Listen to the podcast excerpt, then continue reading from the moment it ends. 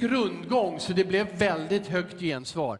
Så, eh, det är precis, var du än är nu, om du sitter i soffan, alltså kan du resa dig, då res dig upp. Och eh, har du för ont i knän och så vidare, så sitt kvar, men lyft dina händer och svara, ja han är sannerligen uppstånden. Jag säger, Jesus Kristus är uppstånden. Ja, han är sannerligen uppstånden. Glad påsk, nu gäller det på riktigt. Jesus är uppstånden, vilken, vilken oerhört stor händelse för dig och mig och för hela världen. Vet du, han kunde inte tänka sig himlen utan dig. Det är inte jag som har hittat på den eh, meningen. Det är Pingst eh, som har lagt ut den på, på nätet, i några dagstidningar. Det och det lite andra uttalanden, men det här fastnar jag speciellt för. Han kunde inte tänka sig himlen utan dig. Det är därför vi predikar. Det är därför vi vill berätta för människor om Jesus, vittna vad han har gjort för oss. För han kan inte tänka sig himlen utan den och den och den och den. Så stor är Jesu kärlek. Börja med att ge en uppmuntran, också en utmaning till dig som tror på Jesus. Och det står i första Korinthierbrevet kapitel 15, vers 58. Det är den sista utav 58 verser. Det är ett långt och stort kapitel. Första Korinthierbrevet 15, 58. Eh, då står det, stå därför fasta och orubbliga, mina älskade bröder, och arbeta alltid hängivet för Herren.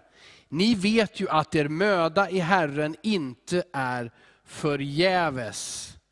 Det här är alltså en speciell uppmuntran att hålla ut, att fortsätta att hålla fast, hålla fast vid ordet och göra det orubbligt. Eh, att eh, arbeta hängivet för Herren. Det här är en uppmaning, en uppmuntran till alla som tror på Jesus. Alla oss som tror på hans uppståndelse. Alla vi som hoppas på vår egen uppståndelse.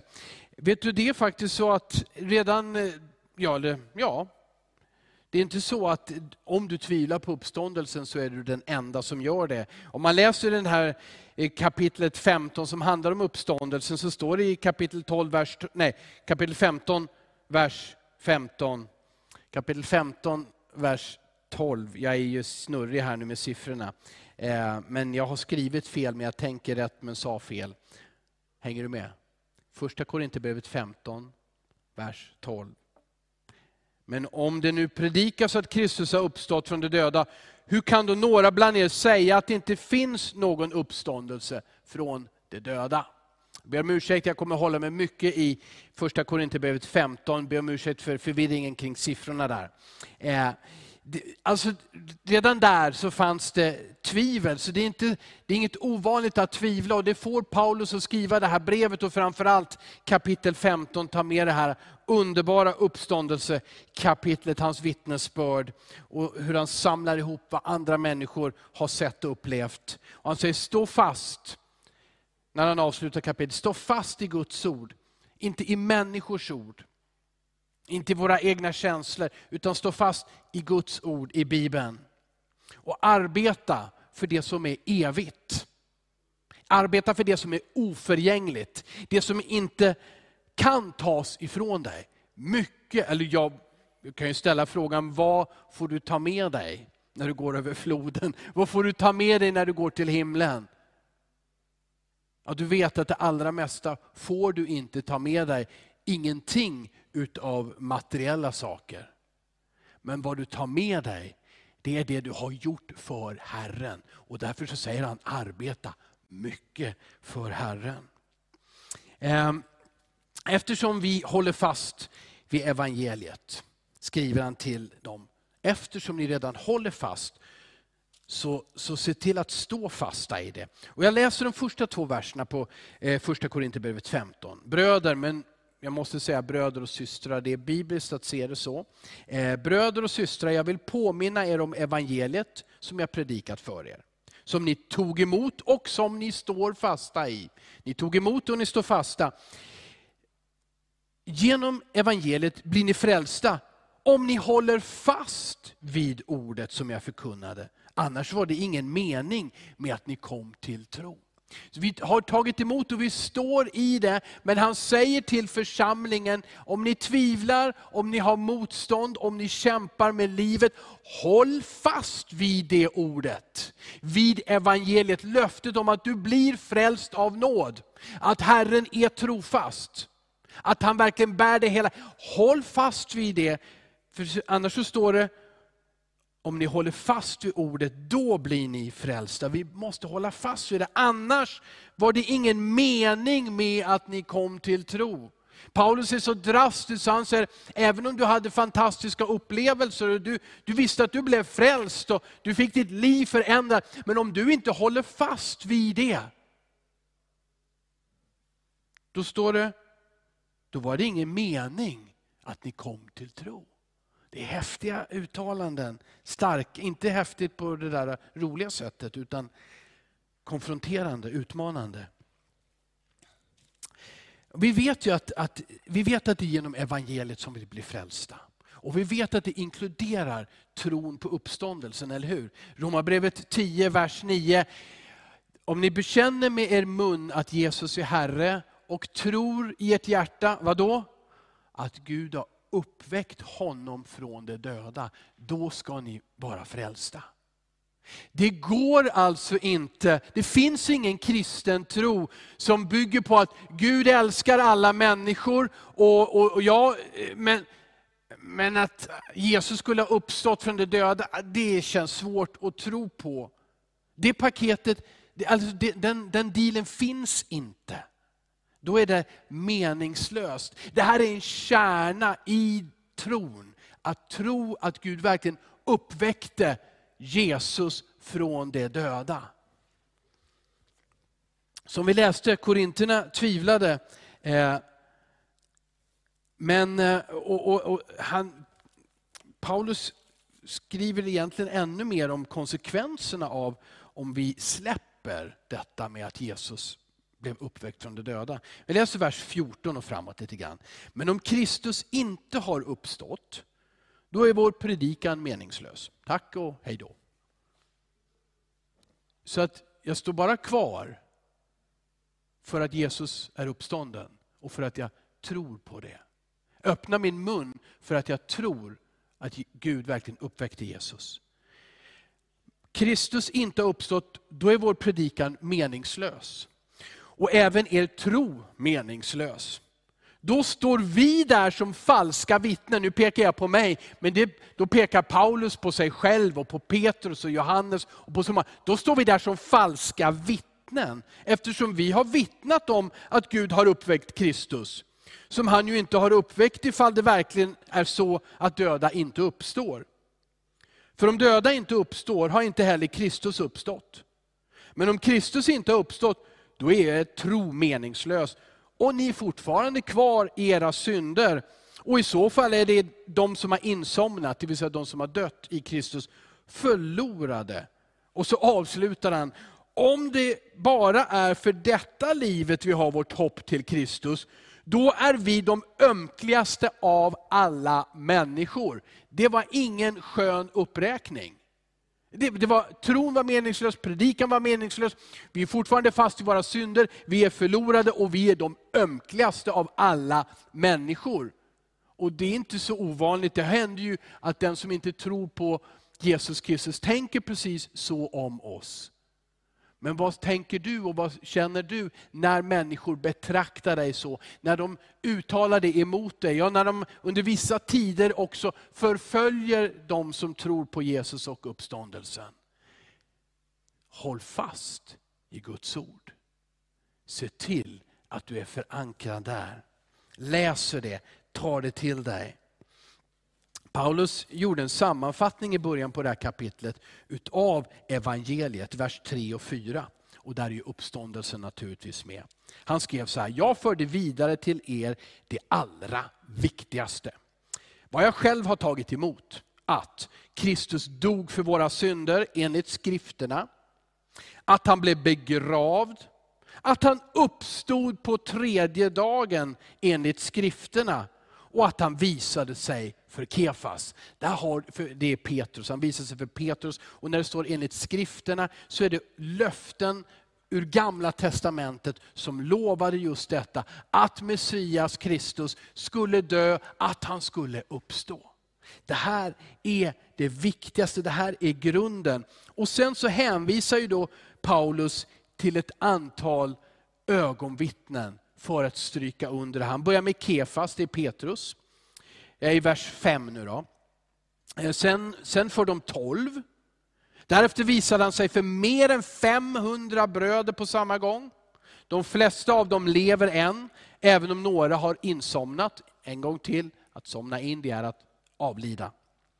Sedan visade han sig för Jakob, och det är Jesu egen halvbror.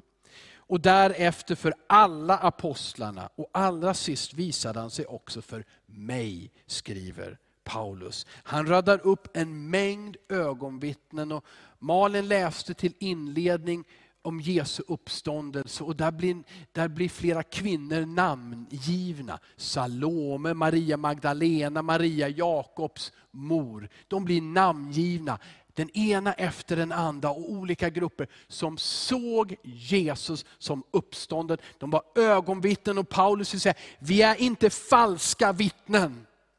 Jag har inte hittat på det här, säger Paulus, och inte Petrus. Och du kan kolla med de 500, varav de flesta, många av dem fortfarande lever, skrev han då, när han skrev det här brevet. Och så har du kvinnorna, du kan gå och fråga dem, de lever också. Maria, Salome, Maria. Fråga, de är inte alla falska vittnen. Vi såg Jesus med våra ögon. Därför är detta grunden, och det är också grunden för vår frälsning teologiskt. Det är så som Gud valde att rädda oss. Så det är livsviktigt för en kristen att hålla fast vid tron på uppståndelsen. Det finns mycket som är svårt att förstå, men det finns också mycket bibliska fakta och argument för att ja, det här är det som Gud verkligen gjorde. Och Det är så viktigt för att Bibeln påverkar din tro och tron påverkar hela livet, eller hur? Den påverkar hur vi tacklar prövningar. Prövningar som den här pandemin. Att i den här tiden lägga Bibeln åt sidan. Så, ja, jag vet inte om Gud verkligen hjälper då får du inte den trygghet som Gud vill ge dig. Då får du inte de svar som Gud vill ge dig. Men med Bibelns hjälp klarar du dig igenom prövningar. Du når målet för din tro genom att läsa och ta till dig Bibeln, genom att omsätta den. Du övervinner tvivel genom att läsa Bibeln och du får bönesvar. Ja, för Bibeln bygger upp dig i tro, visar dig hur du ska be och hålla ut. Och han vill välsigna. Använd Bibeln, använd, praktisera det som står där.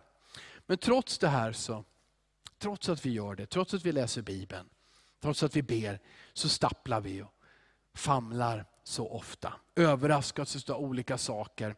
Våra känslomässiga reaktioner på, på besvikelser. Det här är vår mänsklighet och, och våra brister gör sig påminda. Vi vet alla att vi har reagerat för häftigt eller inte reagerat alls. Eller på olika sätt har vi gjort det som vi inte ville göra. Ibland tänker vi också att jag är inte den som jag skulle vilja vara. Det finns uppmuntran. Det finns uppmuntran delvis i, i, bara i Bibeln genom igenkänningen i lärjungarna. Ni vet att eh, just efter det här, den här fantastiska uppståndelsen som de hade sett och varit med om, kvinnorna, så står det, Markus han skriver så här. Ehm, de har då, ja, Jesus har sagt, eller änglarna har sagt till dem, gå, gå och berätta det här för lärjungarna. Då står det i Markus 16 och 8, då gick de ut och flydde från graven fyllda av bävan och bestörtning. Och det är väl inte så konstigt. Och de sa ingenting till någon eftersom de var rädda. Och jag bara känner igen mig så väl i det här. Att man kan ha så fantastiska upplevelser med Gud. Men sen så låter man rädslan komma över en och så märker man, men vad är det här? Det var inte den jag ville vara. Det var inte så jag ville vara. Jag ville göra det Jesus sa till mig. Det finns faktiskt en uppmuntran i att se, aha, Petrus som fick skriva en del av Bibeln, han tvivlade en hel del. Kvinnorna som var så fantastiska, ja, men det fanns också ett moment av rädsla. Ännu mer de övriga lärjungarna som hade gått på bibelskola i tre år, dag och natt med Jesus. Det finns en uppmuntran att se att det är inte bara jag som kämpar. Men den stora uppmuntran ligger ju i det att Gud ändå fortsatte att använda dem och han fortsätter att använda den som ger sig helt till Jesus och håller fast vid Guds ord. Han är trofast. Det är ju han som är den stora uppmuntraren. Och här är det ju viktigt att ha just det här andra perspektivet, att få Guds perspektiv. När vi kämpar med oss själva, våra brister, våra svagheter, besvikelser på reaktioner och så vidare. Att få Guds perspektiv. I morse så, så drog mina flickor, eh, eller Eloisa var det nog förresten, hon tog fram en liten låda. Eh, det står din tro, din väg, ditt liv. Det är 60 stycken andakter för unga. Och det tyckte jag, nej men okej. Det är unga. Men Eloisa drog det där och så drog hon fram en bibelvers som är Psaltaren 118, vers 24, där det står detta är den dag som Herren har gjort. Yes! Detta är den dag som Herren... Hur du än vaknade upp, om du tänker, eh, jag orkar inte, jag är för trött, jag hann inte sova, jag hade bekymmer igår eller det var någon fight, det var, jag kände mig inte bra. Men så tar du upp och så drar du en bibelvers och så läser du den. Detta är den dag som Herren har gjort. Okej Herre, du som har bra tankar för oss. Och då står det en fråga så här, vad tror du är Guds plan med just den här dagen? Ställer den frågan till dig innan jag läser svaret som de har skrivit på baksidan. Vad tror du är Guds plan för just den här dagen? Han har gjort den här dagen. Den här påskdagen 2021. Han har gjort hela världen. Han, han är mycket medveten om precis allt vad som sker i stort och i smått. Han har gjort den här dagen och det här är en dag till frälsning och Guds räddning. Så här står det, varje ny dag är en gåva från Gud. Men vissa dagar känns det inte så. Ibland känns allt mörkt, som om ett regnmål har parkerat över skallen och vägrar dra vidare. Men har du tänkt på att ingenting kommer att växa utan det där regnet? Och hur kul skulle det vara med ständigt solsken? Gud har en plan med varje dag. Det kan vara en tröst att veta att det är så. Eller hur? Vissa dagar, och det här året som har varit, så har liksom ett regnmål parkerat. Men Gud har en plan. Och genom regnet så växer det. Det är roligt att det står att det regnmålet har parkerat ovanför skallen. För då tänkte jag om det skulle parkera ovanför min skalle, regnet. Regnet gör att det växer. Då skulle, då skulle det finnas hopp för att det skulle börja växa igen. Tänk, det är inte bra med bara solsken, eller hur? Jag undrar om det där fungerar. Ja, ja. Det var skämt åsido. Eh, men vi kan växa i de tider då vi tycker nu är det för molnigt, nu är det för blött, nu är det för tråkigt. För att Gud låter det här levande vattnet, som igen är Guds ord, det gör att vi växer i tider av prövningar.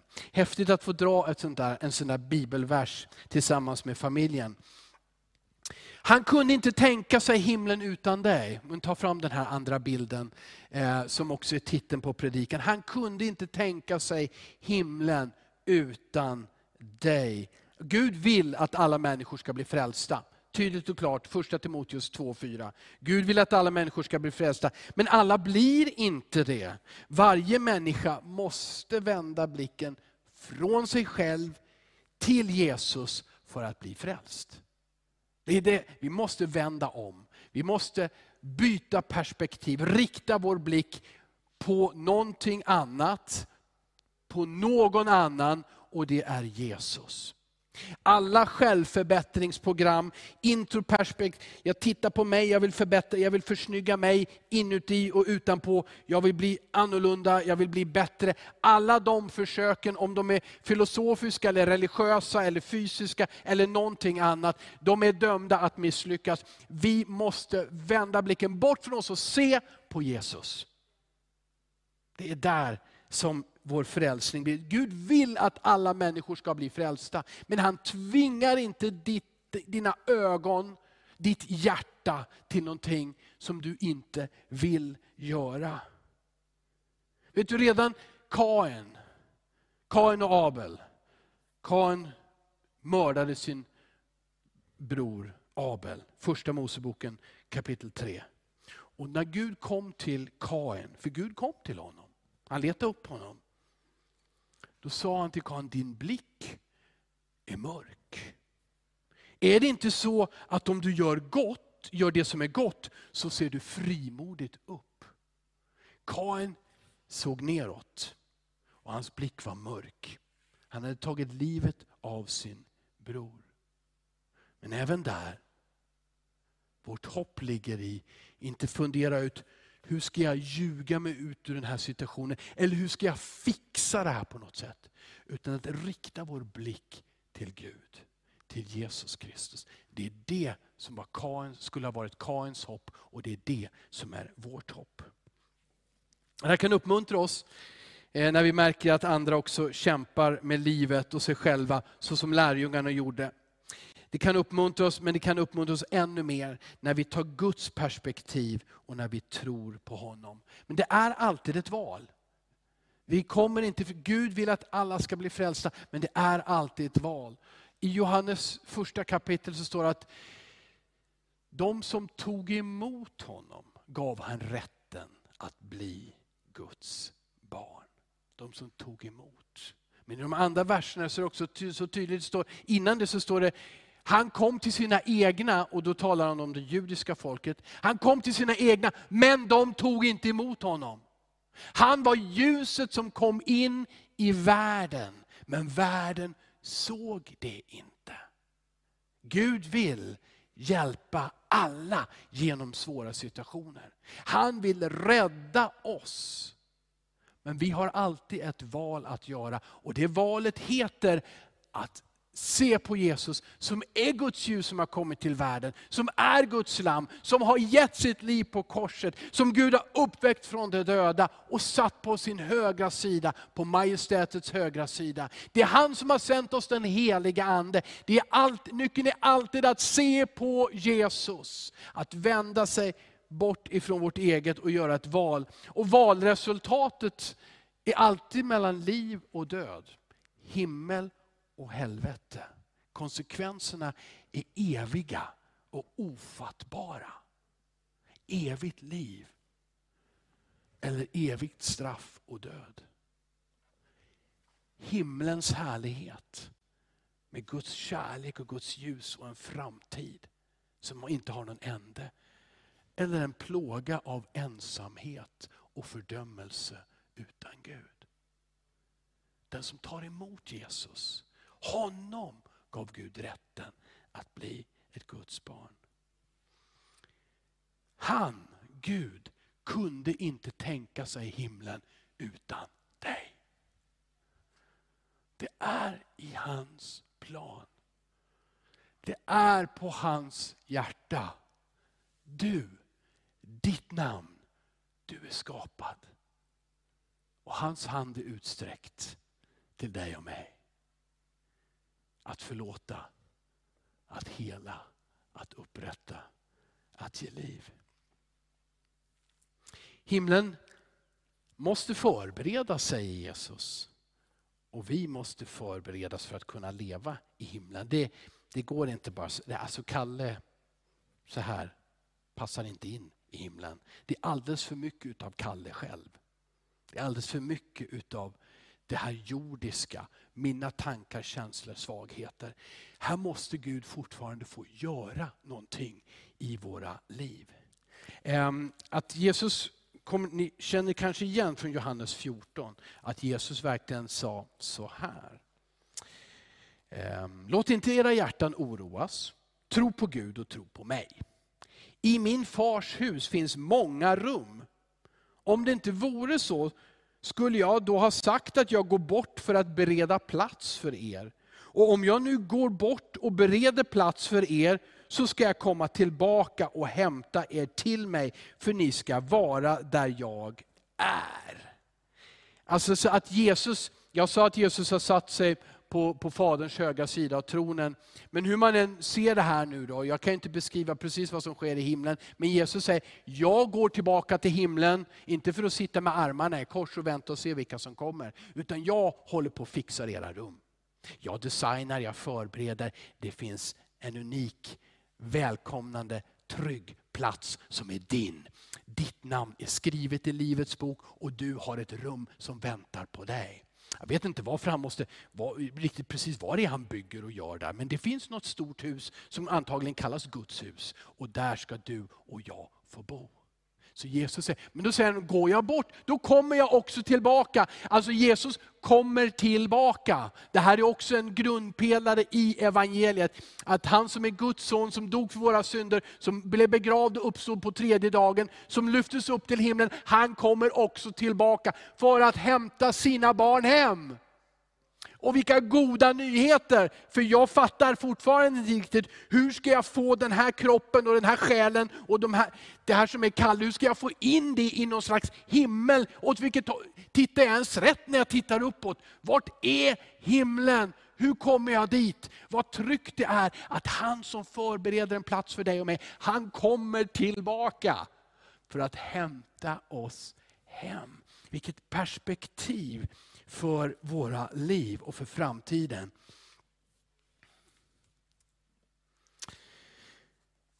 Nu ska vi titta lite bara i avslutningen på första Korinthierbrevets femtonde kapitel. Några verser där på slutet som ju slutar med den här inledande versen 58. För hur kan en, hur kan en människa, hur kan, hur kan du och jag uppstå? Hur kan vi hur kan vi leva i himlen i en annan verklighet som vi inte kan föreställa oss? Hur, hur, hur, ska vi kunna leva i evighet? Jag vet ju att alla runt omkring mig, inklusive mig själv, kommer att dö. Och i bästa fall så blir man 80, 90 och kanske lite till. Hur ska det här gå till? Att du och jag lever i evighet, att vi är i en ny verklighet som är genomgod.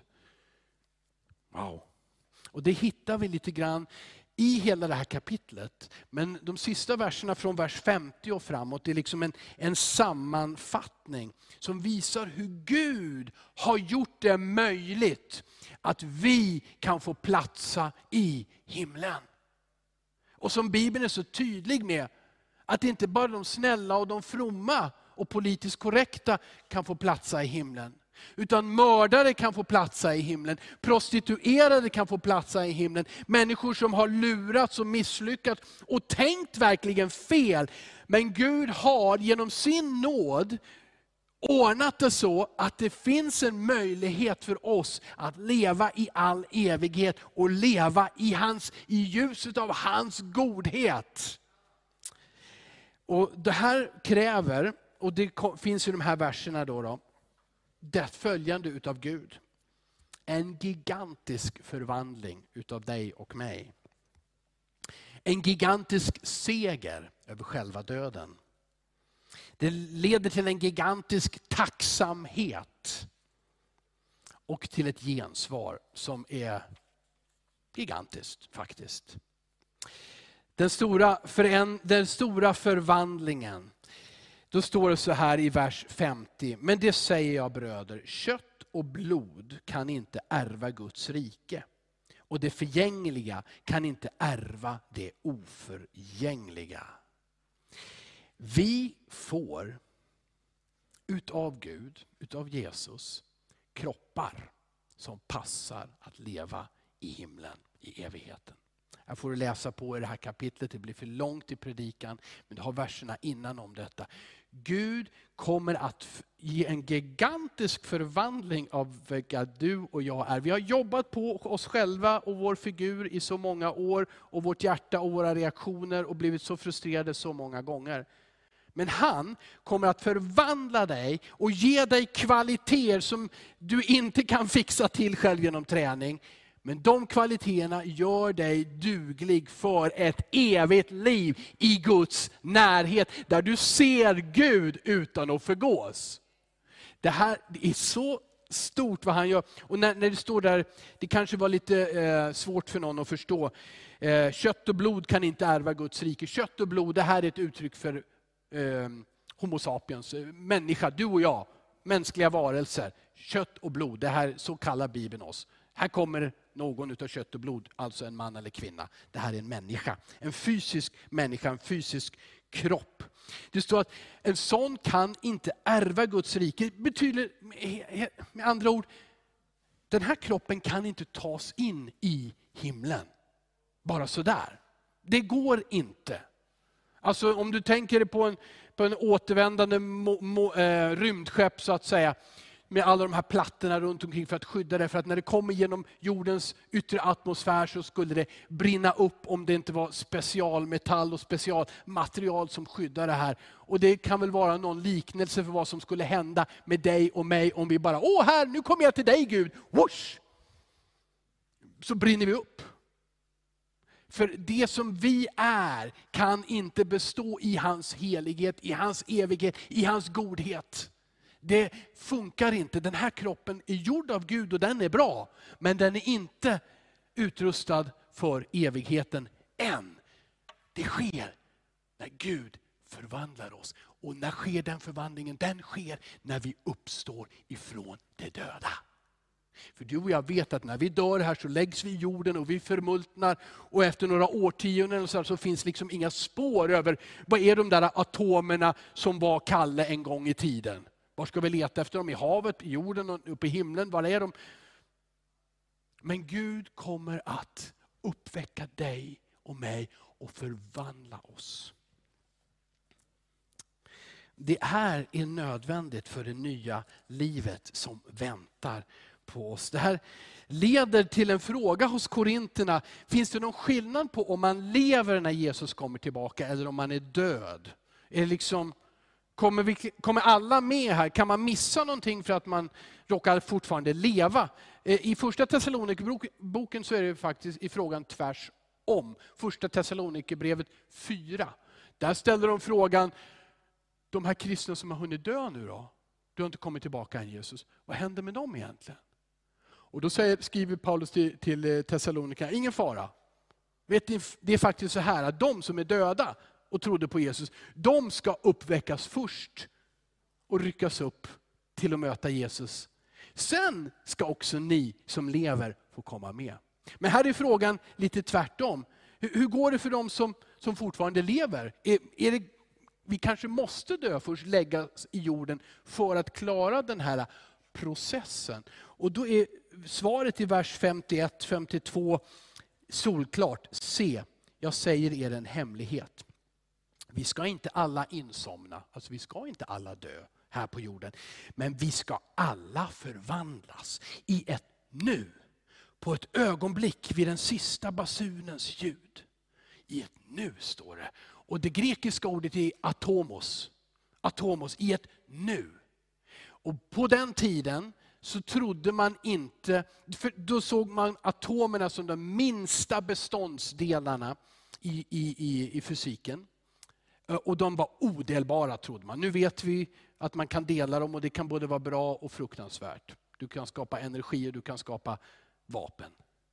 Men då så var atomen det var det minsta odelbara enheten. Och han säger, där, i någonting som inte kan delas, så snabbt sker den här förvandlingen. Det är ingen process. Utan när Jesus kommer tillbaka, då väcks människor ur gravarna. Då rycks de levande upp för att möta honom i himlen. Och i det där uppryckandet så sker i ett nu en förvandling som gör dig duglig för att leva i evighet med Jesus. Här är helt, det är, det är spacigt men det är helt underbart. Alltså ingen, glöm bort de där filmerna där man står och ser och bara, åh, en förändring, Hulken eller vad som helst. Jag är ju jättegammal som bryr mig om Hulken. Men liksom, åh, här växer muskler eller något sånt där plötsligt och skjortan spricker och nu händer någonting. Va? Eh, nej, nej, ingen, så, ingen process. Bang! Du hinner inte ens tänka efter. Så sker en förändring. Alla ska inte dö, skriver Paulus till Korinterna. Men alla som tror på Jesus ska förvandlas. Eh, och det sker, står det, vid den sista basunen. Och här, jag måste ju återkomma och predika mera om basuner. För det är, basuner finns det gott om i Bibeln. Jag ska bara säga så här att både i gamla och i nya testamentet, här är ju en bild, tror jag i alla fall, eh, ett bildspråk, så, så, det, så blåste man i basuner när det var en händelse. Till exempel när Israels folk, vid, vid, vid Sinais berg skulle få lagen och Gud skulle tala till dem. Då blåste man i basuner. Det betyder alltså att när det blåser i en basun, då samlar Gud sitt folk. Då samlar han dem till sig för fester, för seger. Och det är det, när Gud blåser i den sista basunen, då samlar han alla sina barn från jordens alla hörn, från havets botten, från jordens djup. Han samlar alla till sig i ett nu, när han kommer tillbaka. Och förvandlar oss och gör oss överlevnadsdugliga för evigheten. Så basunen är en Guds signal.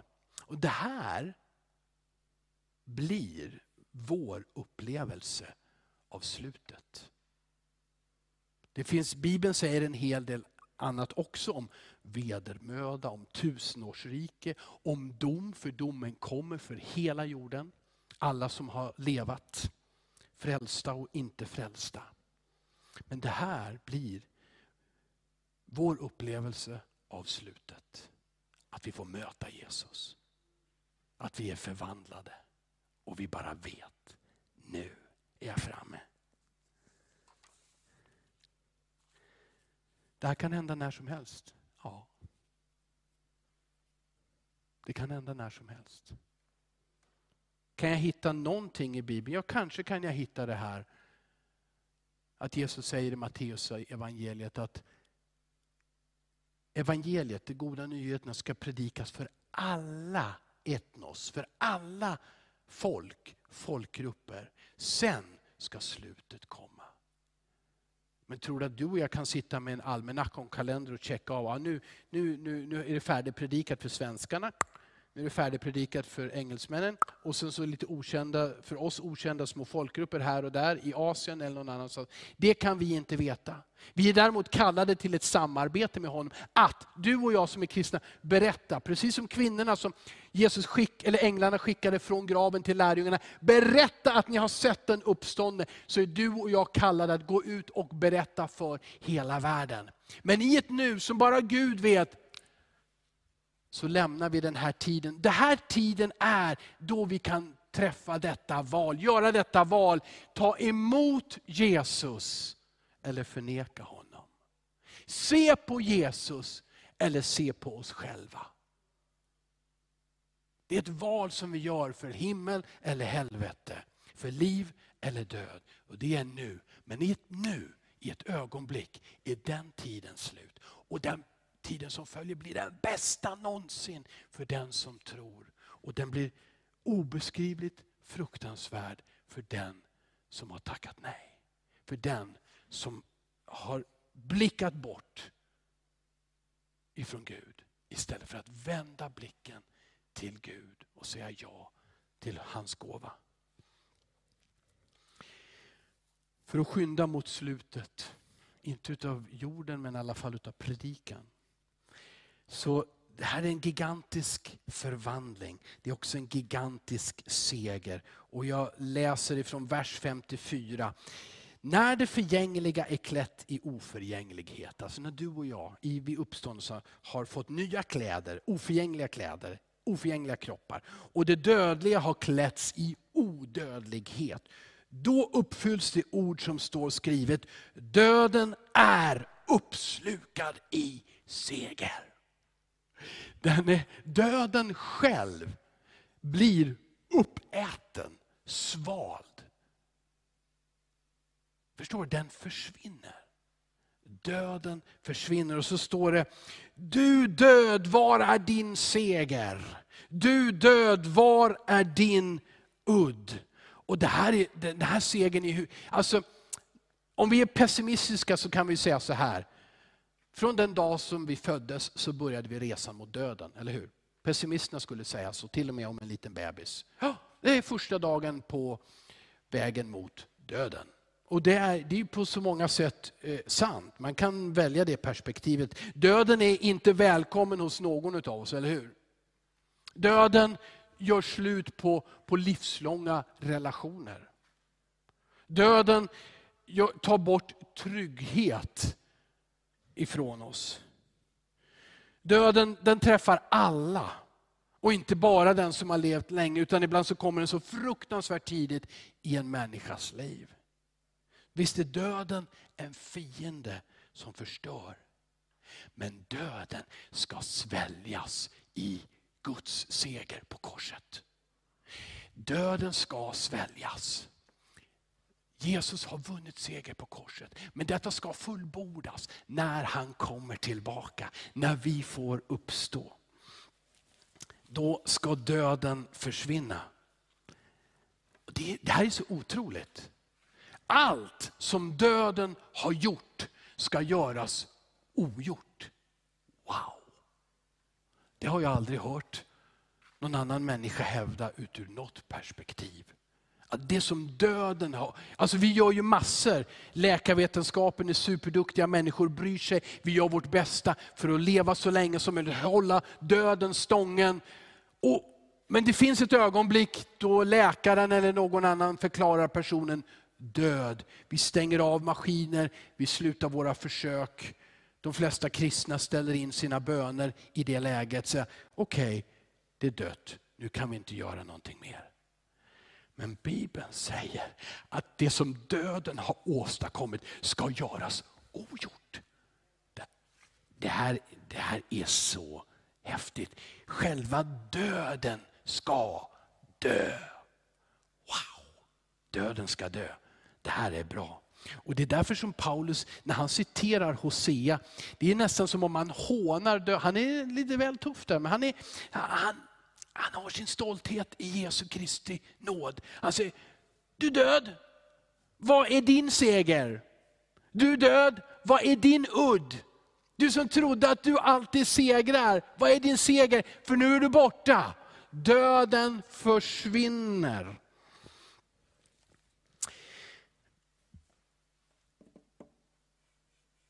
Jag bara tittar vad jag har här, för jag tycker att det här är lite viktigt att få säga.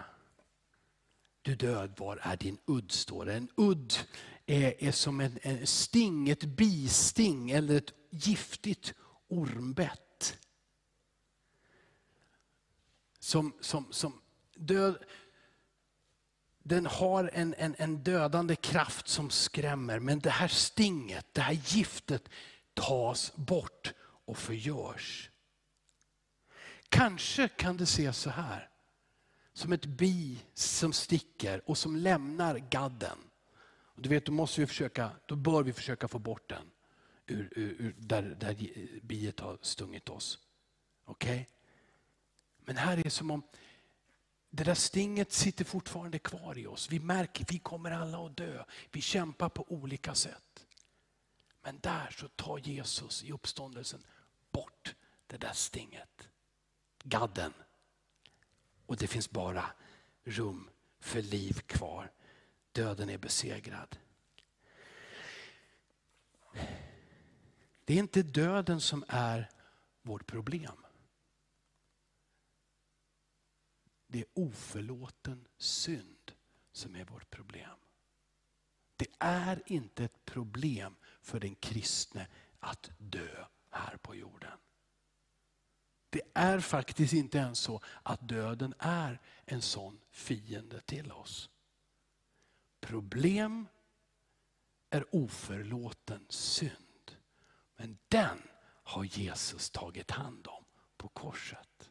Han gav sitt liv för att bryta syndens makt. Och då blir döden inte så farlig eller så skrämmande när vi är förlåtna. Satan blir faktiskt ett rätt så tandlöst lejon. Och därför så kom, bryter det fram en gigantisk tacksägelse.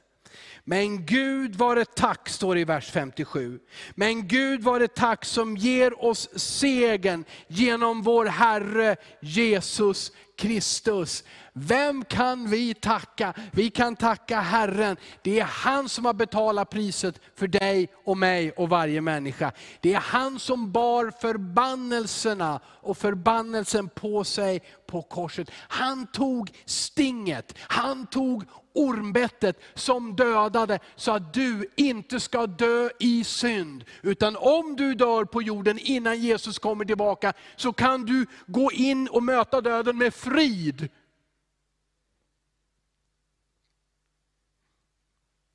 Även om du kämpar med kroppens svaghet och sjukdom, och du går mot någonting som vi alla inte känner till, så kan du möta självaste döden med frid i ditt hjärta. För Jesus har förlåtit dig din synd och döden är inget problem. Problemet var synden, men Jesus har besegrat synden på Golgata. Och du är fri att leva i evighet. Och i ett nu kommer du att förvandlas och göras duglig för ett evighetsliv. Du med en förhärligad kropp som Bibeln säger. Och då har faktiskt döden fått en ny uppgift. Döden för oss in i Guds närhet. Halleluja! Döden har fått en uppgift. Den för oss in. Och för de av oss som fortfarande lever när Jesus kommer tillbaka, så behöver vi inte dö och läggas i jorden, utan vi får möta honom i skyn. I ett ögonblick blir vi förvandlade. En gigantisk tacksägelse. Och jag är tillbaka till, till starten. Vers 58. Stå därför fasta och orubbliga. Som vi såg av början, så, utav bok, eh, bokens kapitel, eller kapitlet, så handlar det om att stå fast och orubblig i Guds ord, i Guds löften, i Guds vilja för ditt liv. Mina älskade bröder och systrar, skriver Paulus, och arbeta alltid hängivet för Herren. Ni vet ju att er möda i Herren inte är förgäves. Och detta som har översatts med arbeta alltid hängivet. Ska jag bara säga helt kort. Det är hängivet. Det är inte först lite semester Herre. Först få sova lite till. Först få göra ett par roliga saker. Sen ska jag också göra någonting för dig. Äh, vet du vad? Jag ger en liten gåva till kyrkan. Det är bra. Då kan någon annan arbeta för dig. Detta är aldrig tänkandet för en enda kristen som ser vilken förvandling som Gud har givit och ger oss. Vilken seger han har vunnit över döden. Hur gigantisk stor denna tacksägelse är till en. Det här är en full insats och ännu mer i tilliten på att Gud bär. Och jag vill bara säga att Epafroditus och Paulus och de andra, de tog inte sin stolthet i att, jag har levt ett balanserat liv så jag kan nog bli 90 år gammal. Det har aldrig varit Bibelns stolthet.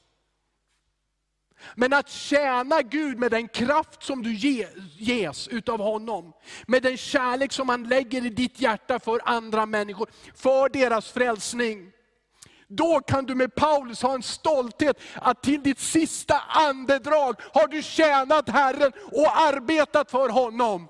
Du har tjänat honom i hans församling. Du har gått till platser dit andra människor inte går. Och när du inte fysiskt längre kan göra det, eller du har andra begränsningar under pandemi, eller du är mamma och pappa och man får välja vad man hinner och kan göra, så är det ändå så om du tar det som Gud har gett dig, om det är en dag, eller tio dagar, eller tio år, eller 40 eller 50 år kvar. Men du säger, jag ska tjäna Herren, jag och mitt hus, jag vill tjäna honom. För han, han förvandlar alla människor som kommer till honom med sin nåd, med sin frälsning och ger oss ett evigt liv.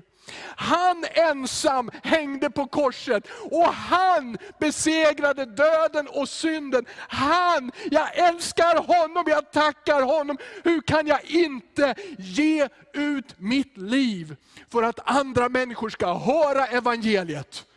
För att både människoskaror och enskilda människor ska få ta emot det som kallas kärlek. Som inte är, jag vill ha, du är där för mig. Utan en kärlek som heter, jag ger till dig. För jag har, Herren fyller på. Herren fyller på av kärlek. Jag älskar dig. Jag vill hjälpa dig.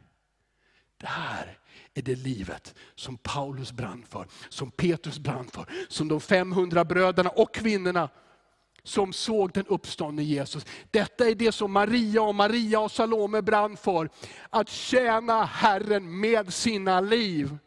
Och då ska det väl inte vara så att när vi nu är så nära slutet på den tid som Gud har gett, att du och jag ska frysa inne och bli försiktiga.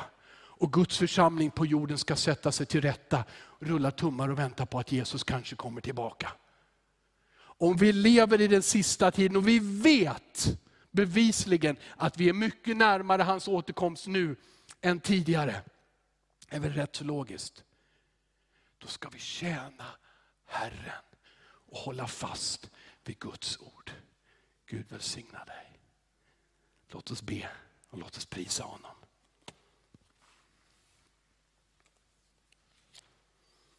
Detta är den dag som Herren har gjort. Tack för att du har gjort den här dagen för varje människa. Olika behov. Men du har gjort den här dagen för varje människa. Jag vill be för den som vill bli frälst av dig.